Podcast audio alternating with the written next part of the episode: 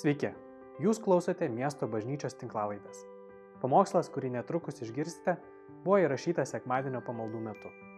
Meldžiame Dievo, kad Jis kalbėtų jums per šį pamokslą. Bažnyčia esam pratę Dievo žodį taip skirstyti tokiom dalim arba daryti ciklus pamokslų. Ir šiandien pradėsim pamokslų ciklą, kuris vadinasi Laisvi. Ir jis yra visas iš laiško filipiečiams. Mes kartu eisim per laišką filipiečiams. Ir viliuosi, kad a, Dievo dvasia mus atgaivins ir kad mes įnersim į Dievo žodį ir mes tą visą laišką sugersim. Aš jį esu perskaitęs tikrai, manau, kelis šimtus kartų. Ir tai yra labai stiprus laiškas. Paštalas Paulius įrašo, būdamas kalėjime. Ir čia pavadinimas laisvi. Iš esmės šitam laiške mes atrasim principus, kurie gali išmokyti mus gyventi nepriklausomai nuo aplinkybių. Gyventi ten, kur mes esam, bet su laisvė savo vidinėme pasaulyje. Nes kartai žmogus gali būti laisvas išorėje, gali rinktis, ką jis valgo, kur jis dirba, kur važiuoja, kur gyvena, o viduje yra visiškai pavergtas savo įpročių, blogų įsitikinimų, žodžiu, blogo savęs įvaizdžio ir panašiai. O Dievo dvasia nori vesti mus į laisvę ir grandinės kartais, kurios mus suveržia, net nebūtinai yra aplinkybės. Bet žmogus, kuris yra nelaisvas, jisai dažnai skundžiasi, jis dažnai yra nepatenkintas, jaučiasi auka, jaučiasi surakintas, jaučia, kad nėra išeities. Ir manau, kad visi esam buvę tokiuose situacijose. Ar esi buvęs, kai tu jauties pagautas ir nežinai, kaip išeiti? Susipykai, nežinai, kaip susitaikyti. Kažkur papuolė aplinkybės galvoj, man šakės. Nežinau, kaip iš čia išeiti. Arba sukiesi rutinoje, kas šiandien žmonėm pasitaiko, pasiemiai paskolą, tu esi kažkokioj įsikinkęs į kažkokį finansinį įsipareigojimą ir tu galvoji, net neturi vietos nei kairę, nei dešinę pajudėti ir jauties pavergtas ir kartais tai žmogų išsekina, išvargina labiau negu bet kas, net kas vyksta aplinkui, jeigu jis nesusitvarko su vidiniu pasauliu. Tiesa, Dievo žodis mums yra skirtas, kad mus pamokytų ir mus padarytų laisvais. Jėzus sakė, jūs pažinsite tiesą, tiesa padarys jūs laisvus. Žmogiškam ligmenį aš norėčiau jums pailustruoti tokią pačią pradžią šio pamokslo ir šios serijos. Vieną žmogų, kurį gerbiu, jisai uh, jau yra miręs, tai yra Viktoras Franklis, uh, kuris uh, išgyveno holokaustą, koncentracijos stovyklas keturias, jo visa šeima buvo sunaikinta išskyrus jo sesę ir jo žmoną. Ir Viktoras Franklis, jeigu galim jo nuotrauką parodyti, jis pasakė tokius žodžius, viskas gali būti atimta iš žmogaus išskyrus vieną dalyką - paskutinę žmogaus laisvę. Pasirinkti, koks bus jo požiūris į bet kokias aplinkybės. Pasirinkti savo paties kelią. Jis kalbėjo, kad žmogus skiriasi nuo gyvūno, nes turi sąžinę, turi sąmonę, turi savimonę ir laisvą valią. Tai, kas mus skiria nuo gyvūnų. Žodžiu, jeigu su tavimi elgesi kaip su gyvuliu, tu gali rinktis visada į save žiūrėti kaip į žmogų, ne kaip į gyvulį, nesvarbu, kas su tavim padarė. Ir jis išgyvenęs tas koncentracijos stovyklas sukūrė savo, jis buvo Freudo mokinys, jis yra psichoterapeutas, buvo psichoterapeutas, sukūrė logoterapiją, žmogus, kuris atradęs prasme gali išeiti iš sudėtingų situacijų. Ir jis išgyveno holokaustą. Noriu vieną dar tokį meno kūrinį Džordžio Huberto parodyti jums. Jis išgyveno holokaustą, kai tūkstančiai, šimtai tūkstančių žmonių aplinkui mirė be prasmės. Jis turėjo tikslą, kai, kai buvo atimti iš jo, jo rankrašiai, dar neparašytos knygos, jisai sakė, aš noriu išeiti iš čia, aš noriu užbaigti tą knygą, aš noriu palaiminti pasaulį tuo, ką žinau, ką suprantu. Ir jis išgyveno baisų elgesi su juo. Žodžiu, jis išgyveno. Ir iš tikrųjų, kai aplinkui daug žmonių krenta, tas, kuris lieka stovėti, dažnai suvokia kažką tokio galingo, kad jo prote, jo viduje tebėra ta laisvė rinktis džiaugsmą, rinktis padėką, rinktis uh, kitą požiūrį. Ir žmogaus orumas negali būti atimtas iš jo, jeigu jis jo netiduos. Ta laisvė yra išlaikyta, apsaugota, realiai dėl tavo laisvos valios, kas tu esi. Tu esi kaip nesunaikinamas asmuo jeigu tu renkiesi tokį kelią. Tai vien žmogiškąją prasme, be Dievo, žmogus gali išgyventi baisę priespaudą ir likti ištikimas savo įsitikinimams, likti dėkingas, be pagėžos, neciniškas, su tikėjimu, pakelintis kitus. Bet dvasinė prasme ir ką mes kalbėsim dabar, žiūrėdami laišką filipiečiams, žiūrėsim ir ką dvasia daro mumise. Taigi, Netidėliodamas einu prie pirmųjų eilučių iš laiško filipiečiams. Paulius pradeda šį laišką rašydamas. Paulius ir Timotiejus, Jėzaus Kristaus tarnai visiems šventiesiems Kristuje Jėzuje, gyvenantiems Filipuose, kartu su vyskupais ir diakonais. Malonė jums ir ramybė nuo mūsų Dievo tėvo ir viešpaties Jėzaus Kristaus. Tai yra įprastas sveikinimas tuo metu, Paulius parašo, kas čia rašo tą laišką.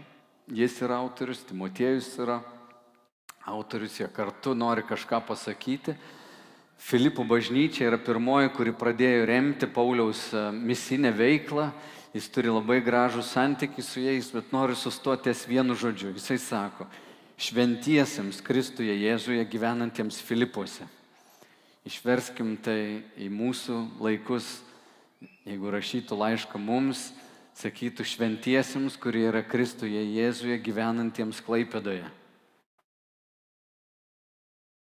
Šventiesiems, kurie yra Kristuje Jėzuje gyvenantiems Klaipėdoje. O kokie jūs išdidus. Amen. Kas čia šventas? Jokauja. Iš tiesų, kaip Paulius rašo šventiesiems, mums pirma mintis yra, wow, aš nesu jok šventasis. Aš net nenoriu prisiminti, kas praeitą savaitę įvyko. Žinai, kartais nugyveni taip, kad tau pačiam gėda. Bet čia tokios dos dvi prasmes ir kas iš jūsų jau seniau tikintis, jūs suprantat, kad populiarioji prasme yra šventasis yra žmogus, kuris gyvena labai dorą gyvenimą. Jis prie jo nėra kaip prikiptis, yra pavyzdys savo moralę, savo tikėjimų, meilę, žodžiu, prisilieti prie tokio žmogaus ir galvoji, jis ne iš šio pasaulio, jis be galo šventas, ar ne? Ir po kiek laiko, tarkim, Romos katalikų bažnyčia kanonizuoja tos žmonės, pavadina palaimintaisiais dėl jų viso gyvenimo ir paskui sako, jis yra ir šventasis.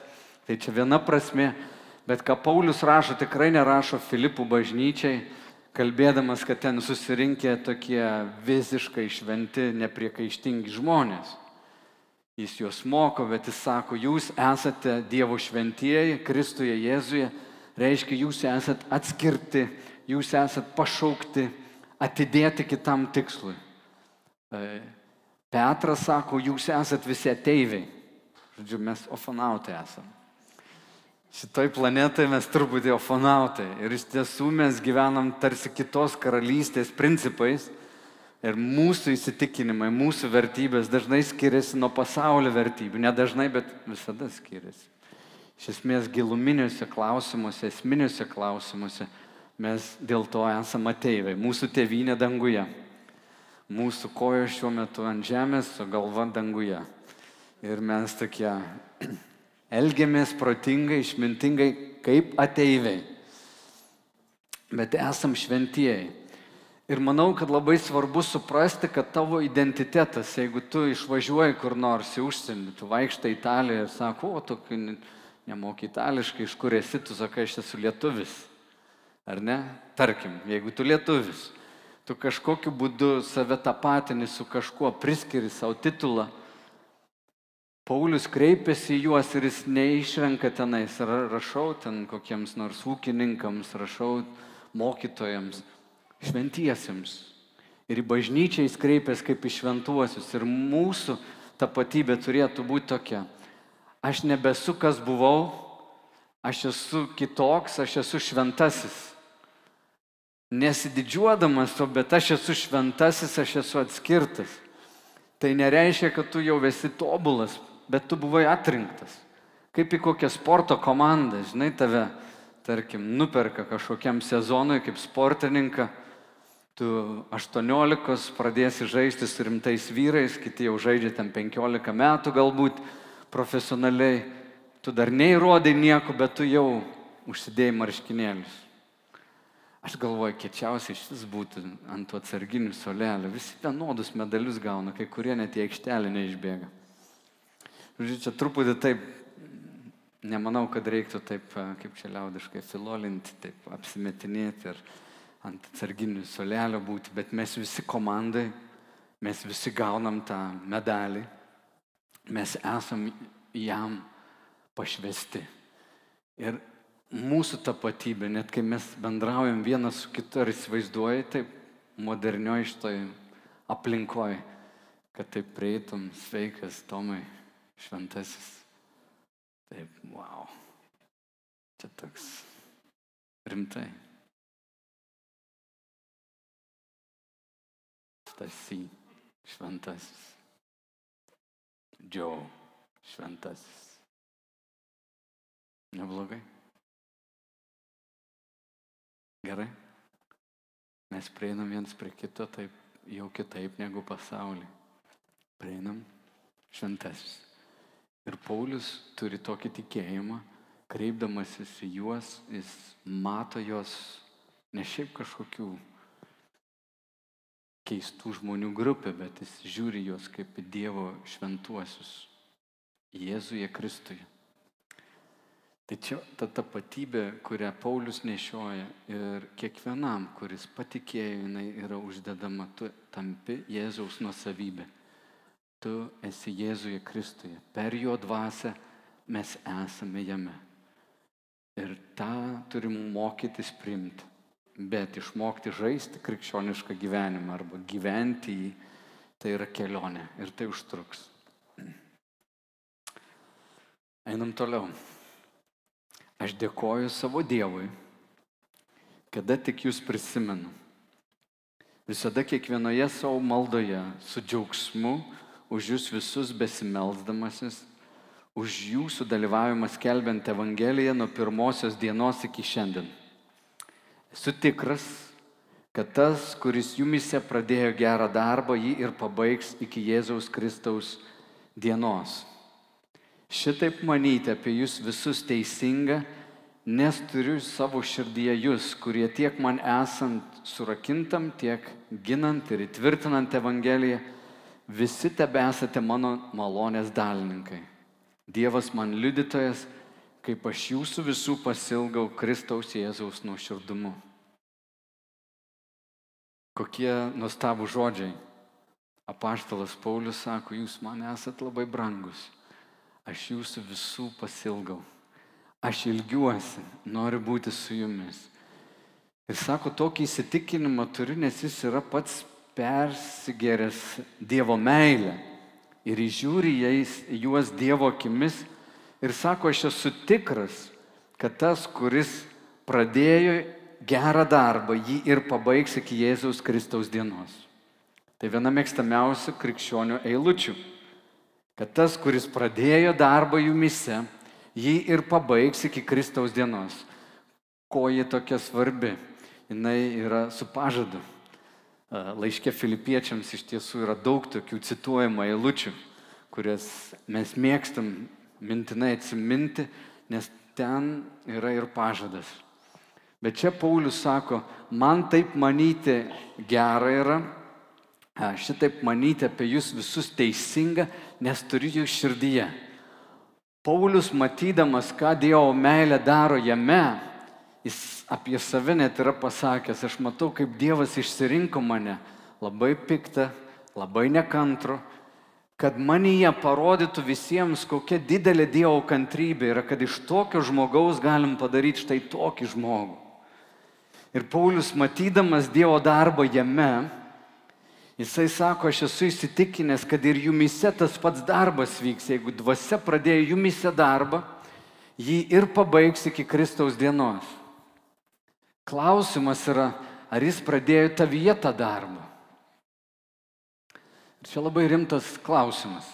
Kartais galbūt mes uh, žiūrime į, į mūsų bažnyčią, evangeliškas bažnyčias, kurios dažnai būna tampresnės bendruomenės, ne, ne tik sekmadienio susirinkimas, ir galvojam, kad turim tokį imunitetą. Jeigu jau esi toks va šitoj bažnyčiai, tai su tavim jau viskas tvarkoja.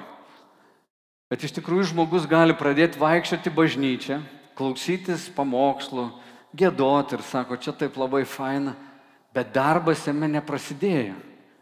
Gyvo tikėjimo nėra, jis kažkaip protu arba kažkaip kultūriškai priima. Ir Lietuvoje tokių nominalių tikinčių, kurie skaičiumi yra krikščionis ir sako, aš esu krikščionis, bet tikrai nepažįsta Dievo yra, man atrodo, labai daug. Statistiškai 82 procentai Lietuvoje yra Romos katalikai. 1,9 procentą yra protestantai. Bet jeigu surinktum žmonės, kurie reguliariai lanko pamaldas, kurie meldžiasi kasdien, kurie sakytų, aš pažįstu Dievą, man atrodo, procentai yra labai labai maži. Man atrodo, mes labiau sekuliarioji, tokio ateistiniai, prietaringoje, netgi šaly gyvenam. Netgi neopagonizmas augantis man yra toks įdomus fenomenas, kur žmonės eina kažkokį dvasingumą, kuris toks nuo mokslo į kažkokias visiškai, nu, tikėti kūriniais kaip, kaip dievybėm yra sunkiai suvokiamas. Bet žiūrėk, klausimas tau, ar tu tikrai esi Dievo darbė, ar Dievas pradėjo tavį darbą? Kaip žinoti? Užduok savo tokius klausimus. Ar meilė Dievui auga manį? Ar e, Dievo žodžiai, alkis yra mano širdį? Ar žmonės, kurie žiūri mane, galėtų pasakyti, kad aš esu kitoks nei buvau prieš tris metus? Ar nuolankumo manį yra daugiau? Ar Kristus gali kažkaip būti matomas manį? Kada buvo paskutinis kartas, kada tu jautėjai Dievo paraginimą ir atsiliepiai Dievui? Ar buvo tokia situacija, kai tu jautėjai, kad Dievas kviečia tave kažką daryti ir tu paklusai jam? Tai yra ženklai Dievo darbo tavyje. Arba kai aplinkybės nepalankios tavy gyvena Dievo ramybė. Ar tas darbas iš tikrųjų yra prasidėjęs tavyje? Kad neapgautum savęs ir nesakytum, su manim viskas tvarkoja, man patinka į bažnyčią eiti, čia daug gerų žmonių. Tu turi save įvertinti, nes Dievo dvasia duoda liudėjimą, kad mes esam Dievo vaikai bet yra ir ženklai kažkokie, yra nuseklus augimas, yra kažkoks dvasios vaisius pastikinti. Ir jeigu tų dalykų nėra, tai arba tu gal nupuoliai, o gal niekada tas darbas neprasidėjo tavyje. Ir čia turi labai užduoti savo tą klausimą. Apaštalas Paulius įsitikinęs, kad tas, kuris pradėjo darbą tavyje, jį ir pabaigs. Tai visų pirma, tikėjimas turėjo kažkada gimti, tu pažinai, kad Jėzus nuplovi tavo nuodėmės ir tu išgyvenai tą meilę jam ir dėkingumą, tada prasideda veiksmas, kur dvasia tave ragins tarnauti, būti svetingu, tavo širdis atsiveria. Jeigu tu pykdavai, tu mažiau pyksti, jeigu net susivaldydavai, dabar daugiau susivaldai. Tai vad klausimas yra, ar vyksta tas darbas tavyje. Jei ne, šaukis Dievo ir sakyk, Dieve, gelbėk. Aš nežinau, tu man parodyk, tu man įrodyk, tu, tu Dieve pakviesk mane, tu veik manyje. Paklausk aplinkinių, ar tu matai manyje, ką kiti gali pasakyti. Bet jeigu tu užtikrintas esi ir dvasia tave veda, būk paguostas tame, kad Dievas pradėjęs darbą jį ir užbaigs.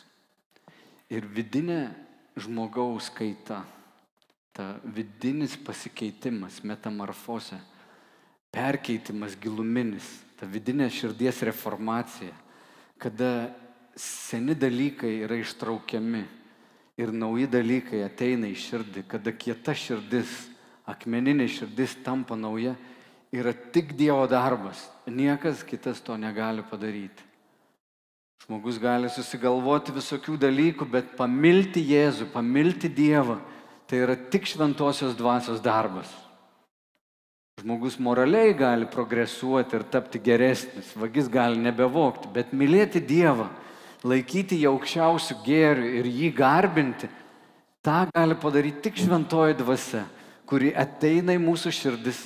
Dievo meilė yra išliejama ir mes pradedam mylėti jį ir branginti jį aukščiau už viską.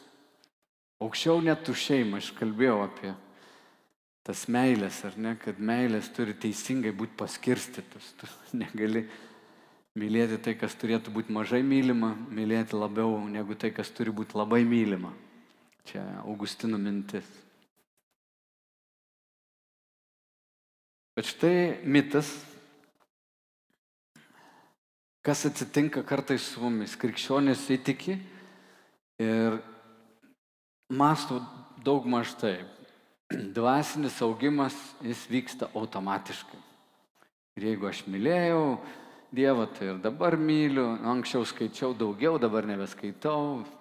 Anksčiau aukodavau, dabar nebeaukoju. Anksčiau tarnaudavau, dabar nebetarnauju. Nu kažkaip. Arba susigalvoju savo kelią. Tai noriu tau labai aiškiai pasakyti, kad dvasinis augimas nėra automatinis dalykas, tai, yra, tai nėra kažkoks autopilotas. Tapai krikščionim, nieko nedarai, nuo tavęs nieks nepriklauso ir dvasinis augimas tiesiog vyksta.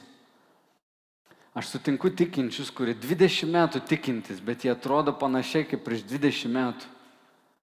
Iš tiesų dalykas yra toks, kad jeigu žmogus nuolat net naujina savo mąstymą per laiką, jis tampa dar bjauresnis žmogus. Pavyzdžiui, žmogus buvo e, savanaudiškas. Tai per laiką jis dar labiau tampa savanaudiškas. Jeigu jis mąstymo nekeičia, jo mąstymas įsisenėja. Ir kai jis bus senas, jis bus toks nuobodus. Toks nuobodus žmogus. Žmogus, kuris apie save labai gerai galvoja ir save kelia. Po kiek laiko jisai visas bus savim apimtas.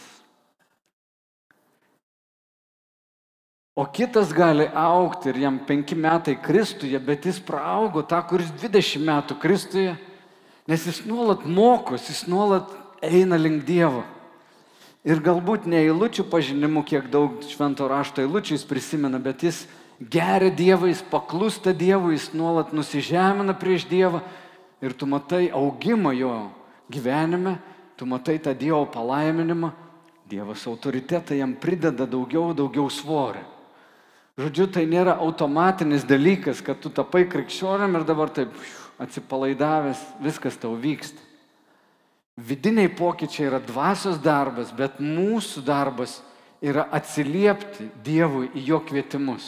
Mūsų pastangos yra susijusios su tuo, kaip mes atsiliepiam į jo kvietimus.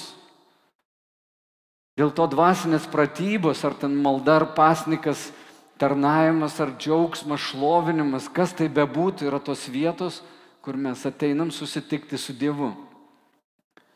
Ir mes, būdami tose pratybose, mes e, esam keičiami išlovės išlovė regėdami viešpatį. Bet tu negali priimti dvasinio augimo kaip savaime suprantama. Ir dvasiniam augimui būtinas nuseklumas. Nes kitu atveju, jeigu tu pasileisi, tiesiog leisi savo būti toks, koks esi, tu pasensi, surambėsi ir būsi labai nuobodus. Praeitą sekmadienį aš Vilniui pamokslavau mūsų bažnyčioje, prie vienas žmogus, kuris yra mokslininkas. Sako, mano 25 atradimai užpatentuoti. Jam 90 metų. Ateik pas mane į svečius, pasikvietė į svečius, aš nuėjau pas į svečius e, į namus ir jis kalba ir kalba ir kalba ir jis viską vertina. Man nėra kur įsiterpti. Po kiek laiko jis tiek savimi ir patenkintas ir įsitikinęs savo teisumu, aš žiūriu ir negaliu atsistebėti. jis manęs net nemato. Jis, jam reikia manęs, kad jis jaustųsi gerai ir giriasi savo atradimais, rodo knygas, jo namuose ten visokių skulptūrų, statulėlių, paveikslų. Tik vienas dalykas man toks buvo liūdnas, kad ryšio jokio nebuvo, aš net negalėjau įsiterpti, aš sakau, aš jau esu įsipareigojęs, turiu išeiti, aš net išeiti negalėjau. A, taip, taip, suprantu, nenoriu užlaikyti, bet pažiūrėk, va čia tas, taip, pažiūrėk dar čia tas. Dešimt minučių, kol išėjau. Galiausiai neturėjau jau taip, einu tai. Ir jis toliau kalbėjo. Ir aš galvoju, tai liūdnas vaizdas kad tai, kas esi, tu gali dar labiau toks tapti, žinai, surambėjęs ir pasenęs ir be galo nuobodus žmogus, nes tavo širdį nebus jokios vietos kitiem. Nei moki klausytis, tik tais giries visais atradimais ar pasiekimais. Ir kai aš išgirstu žmogų, kuris pasakoja, ką jis veikia 20, bet nebeturi nieko pasakyti, kas vakar gero įvyko, aš galvoju, jis užstrigo. O krikščionybė yra nuolatinis mokymasis, pažinimas ir augimas. Ir kaip Dievo vaikas, tu turi nuolat ieškoti nusižeminimo, kad mokytumės. Ir Paulius sako, jis pradėjo darbą, jis jį ir pabaigs, Dievas savo dalį padarys, žinok, kad jis visada norės tave keisti. Bet jeigu tu ir aš mes pasipriešinsim kažkokiam Dievo darbui, tarkim, ateina situacija, kada tu turėtum išlaikyti egzaminą, bet to jo neišlaikai. Na, tau yra nusižeminimo egzaminas, tave kažkas įžeidė ir tu išsiskyrai su tuo žmogum, tave įžeidė kitas, tu išsiskyrai su tuo, su trečiu. Tai gali vykti visą tavo gyvenimą, kol vieną dieną tu nenusižeminsi, bet Dievas duos tau galimybių keistis ir mokytis, kad tu neužstriktum. Ir tai yra tavo mano dalis dvasiniam augime reikalingas nuseklumas ir pratybos ir tu turi kažką daryti, kad galėtum paskui mėgautis to augimo vaisiais. Ir Dievas yra kantrus ir tas augimas yra lėtas, lėtas, lėtas. Ir čia noriu tave labai padrasinti. Aš sakau, jo, tikrai, viską, ką sakai, tiesa, niekas nesikeičia, mano žmona sako, blogėja, tik blogėja. Ir tu gal toks nusiminęsis, nenusimink, būk ir kantrus. Štai ta pusė, kad Dievas tikrai nu, yra kantrus su mumis. Žmogus keičiasi labai lietai, aš galvoju. Labai norėtus kartais tokio, nu, kad išvarytų visus velnius per vieną kartą, visi velniai išeina ir tu taip, wow, amatėt, kas įvyko su manim nieko nematau. Nesimato. Aš tai matau, kai žiūri veidrodį visų. Taip norėtųsi, kad, žinai, taip pasimeldėtų, žinai, išgyjai nuo kokios lygos, daugiau nebesusirgi, žinai. Aplinkybės tau tik nuostabius, visą laiką viskas gerai. Ir kartais mes taip susižavim, kai žiūrim kokius nors ten kurseidas vyksta, ten jo, išgydymai. Ir kartais galvoju, kad va tas trumpalaikis toks greitas tau, čiuk čiuk patais ir aš daug matė žmonių, Dievas prisiliečia, jos pagydo, kažkas įvyksta.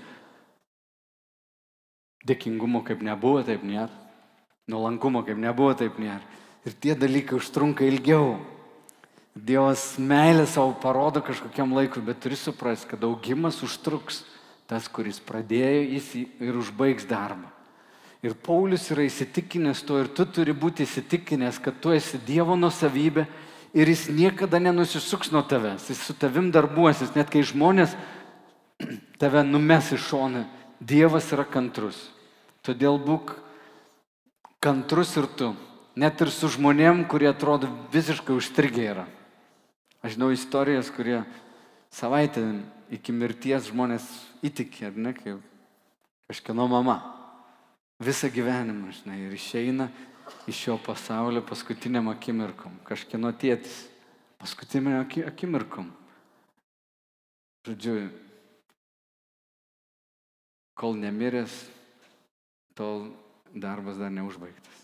Jei dar gyvas, tai dar ir, ir esi Dievo projektas. Žodžiu, kol, kaip ten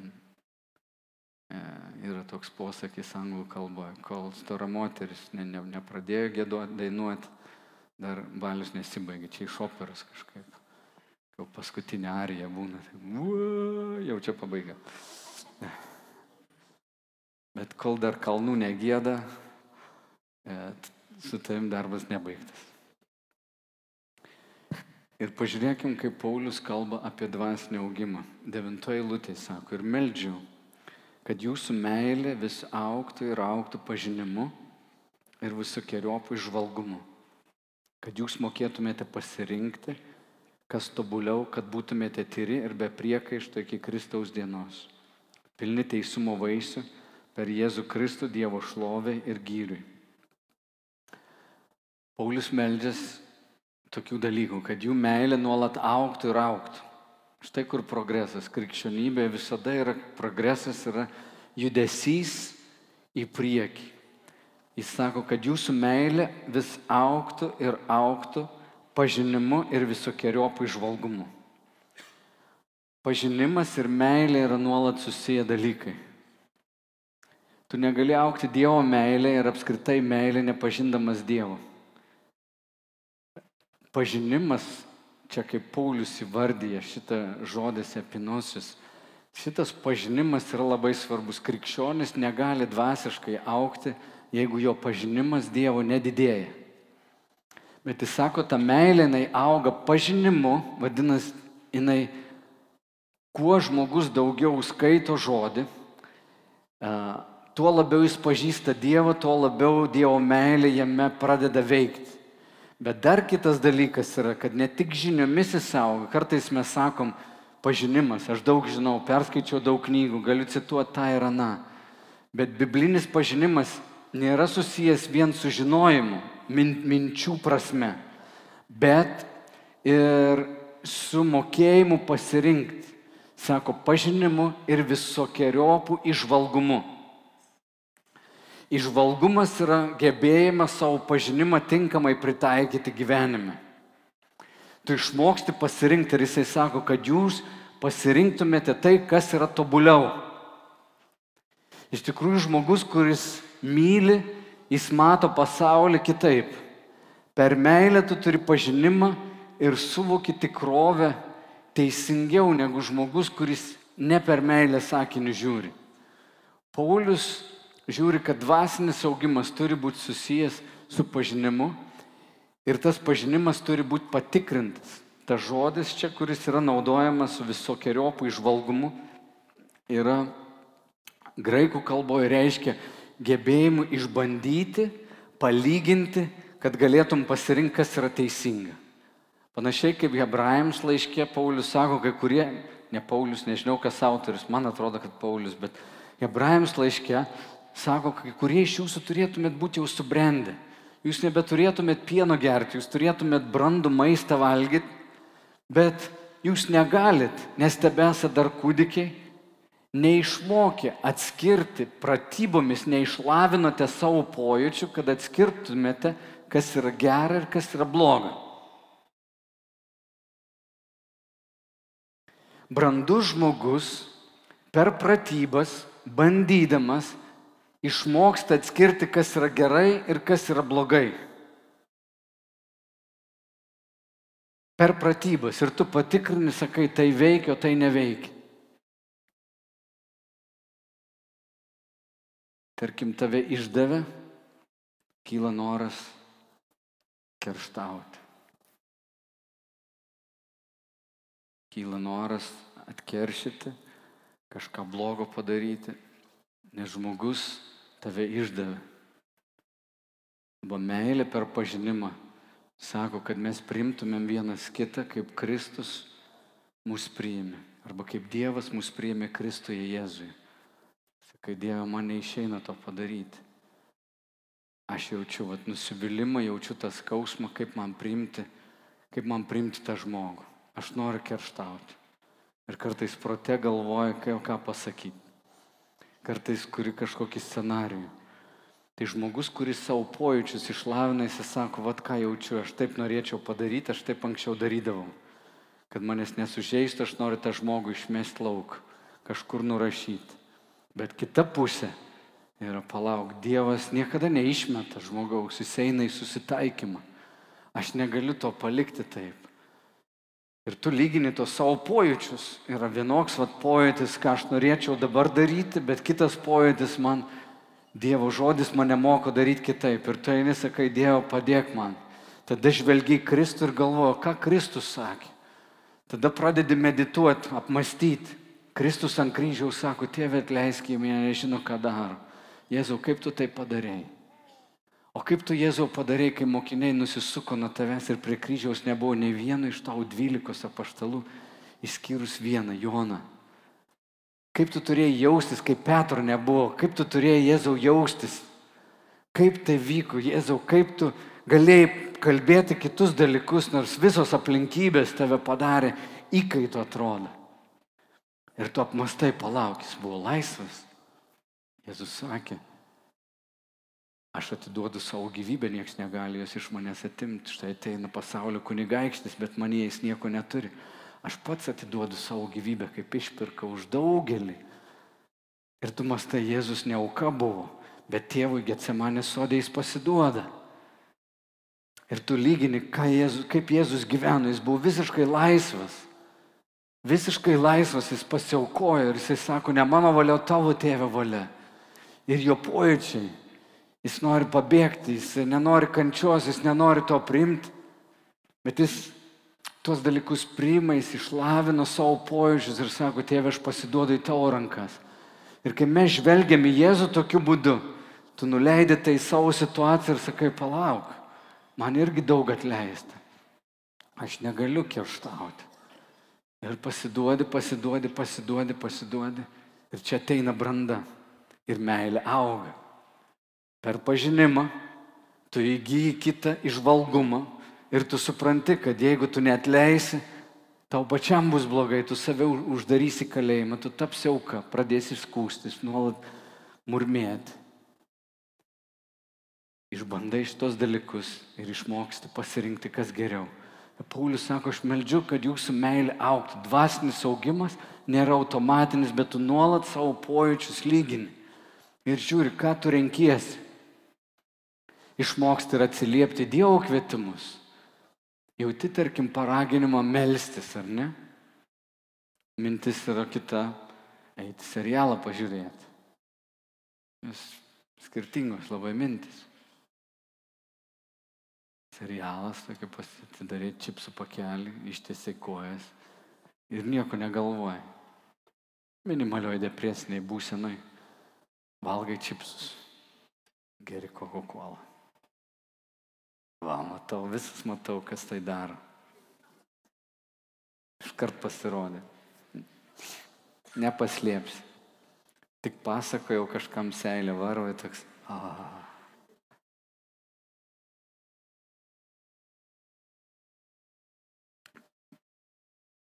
Bet mums būna taip, kad kartais tu jauti dvasios paraginimą melsis. Dvasia tave kviečia.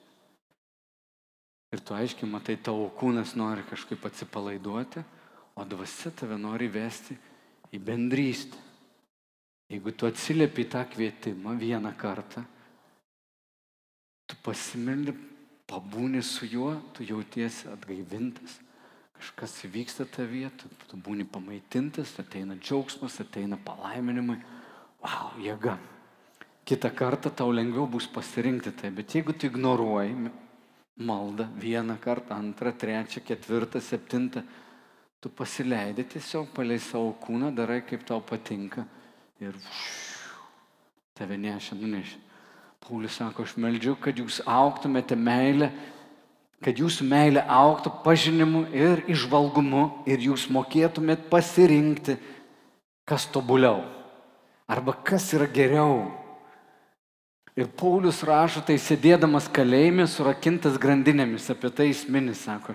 Ir tiesioginė prasme jisai yra prirakintas, surakintas, bet žiūrėkit, kokius žodžius naudoja, kokią laisvę. Ir aš melžiuosi, kad jūs auktumėt toliau Įsitikinęs esu, kad Dievo dvasia jumise darys darbą ir viskas bus.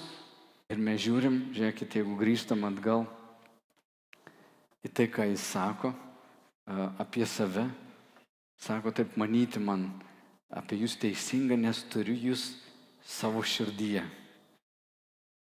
Ir ilgiuosi jūs visų, pasilgau jūsų Kristaus nuoširdumu, aštuntą eilutę.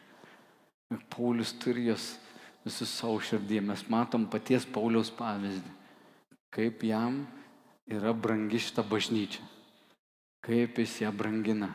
Jis ilgisi, jisai masto apie juos, myli juos.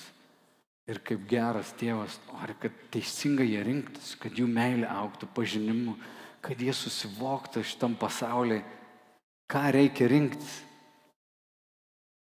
Nes kaip krikščionis, kuo ilgiau tu būsi tikėjime, supras, kad dvasiniai gundimai bus subtilesni.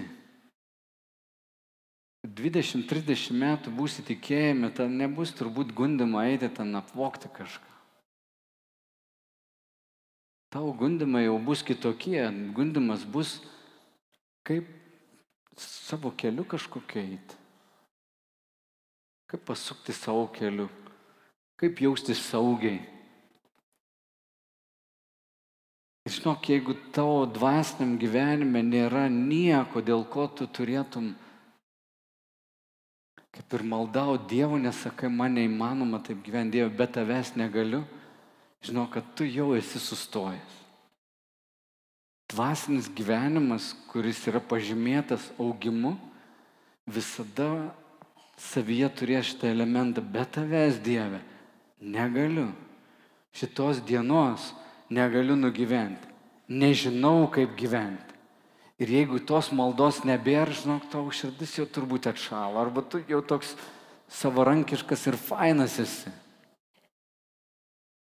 Ir aš nekalbu, kad tu nuolat turi būti kažkokiam gyvybės pavojui. Bet jeigu tu nori gyventi Dievui patinkančių būdų, tikrai, tikrai va šita malda jinai nedings. Dievo baime bus tavyje ir tu sakysi, Aš nenoriu gyventi savanaudiškai, aš nenoriu gyventi, aš nenoriu savais keliais eiti. Kažkur bus ta desperatiška malda, jinai turi būti tokia tikinčio gyvenime.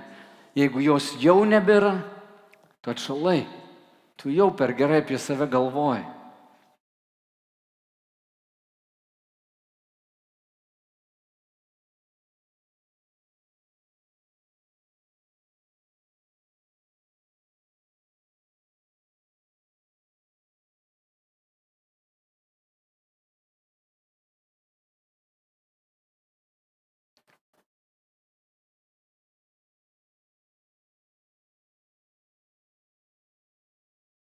Mes esam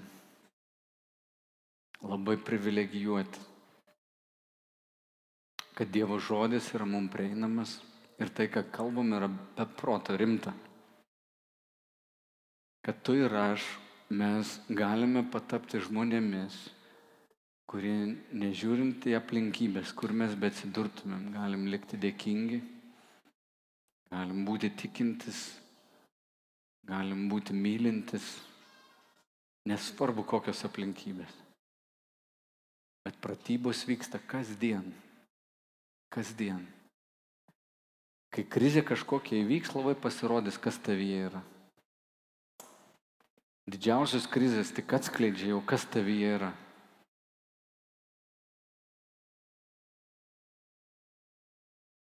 Bet kad pasirodytų, kad tavyje yra geri dalykai, tu turi praktikuoti tai nuolatos. Tie testai yra labai geri. Aišku, nežinau, nieks nenorim tokių testų. Kai sproksti, žinai, ir padarai kažkokį baisų sprendimą, labai yra liūdna atsidurti tokioje situacijoje ir tu sakai, wow, manį dar tiek, še, tiek dar daug to ir to. Ir tada sakai viešpatė, mokė gyventi mane kitaip. Bet kartais testas parodo, wow, su manim viskas ok. Manim viskas ok. Ne tai, kad aš jau pasiekiau, bet kartais galvoju, pačia jau yra kitaip negu buvo. Ačiū Dievui už tai. Ir kai tu gyveni Dievo maloniai tokioj, žinodamas, kad tikriausi pokyčiai vyksta tik iš jo palankumo, iš jo gerumo. O tada tikra laisvė yra. Mes išsivaduojam iš tų grandinių. Ir nesvarbu, kas atsitiktų. Karas, maras, lyga, nelaimė, kažkokias baisumai ateina į gyvenimą, tu tada sakai, pala, aš galiu kaip Paulius būti laisvas. Mes žiūrėsim kitus skyrius. Paulius džiaugsmą mini čia kiek kartų šitam laiškė ir galvoju, visi sako, džiaukitės, džiaukitės, džiaukitės ir skaitau tą laišką, galvoju, jėga, jėga, jėga. Kaip noriu taip gyventi. Nenoriu turėti krikščionybės tokios, kaip čia pasakyti, tokio gražaus išorinio tik paveikslo. Noriu vidumi, vidumi būti visiškai laisvas. Džiaugtis gyvenimu džiaugtis Krist, Kristumi ir iš tikrųjų būti virš šio pasaulio, nesitapatinti su šio pasaulio, būti Dievo vaikų šventuoju. Ir tokie mes esam pašaukti būti.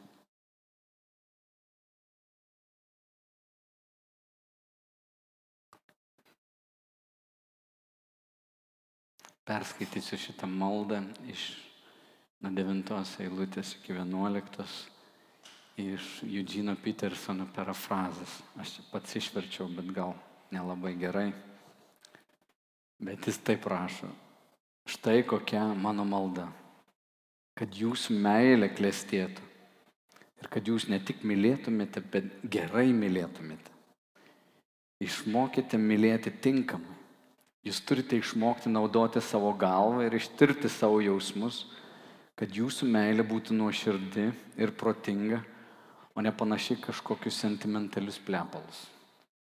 Gyvenkite mylimojo gyvenimą, pagarbų ir gero pavyzdžio, kad Jėzus jumis, jumis didžiuotųsi ir kad siela būtų vaisinga.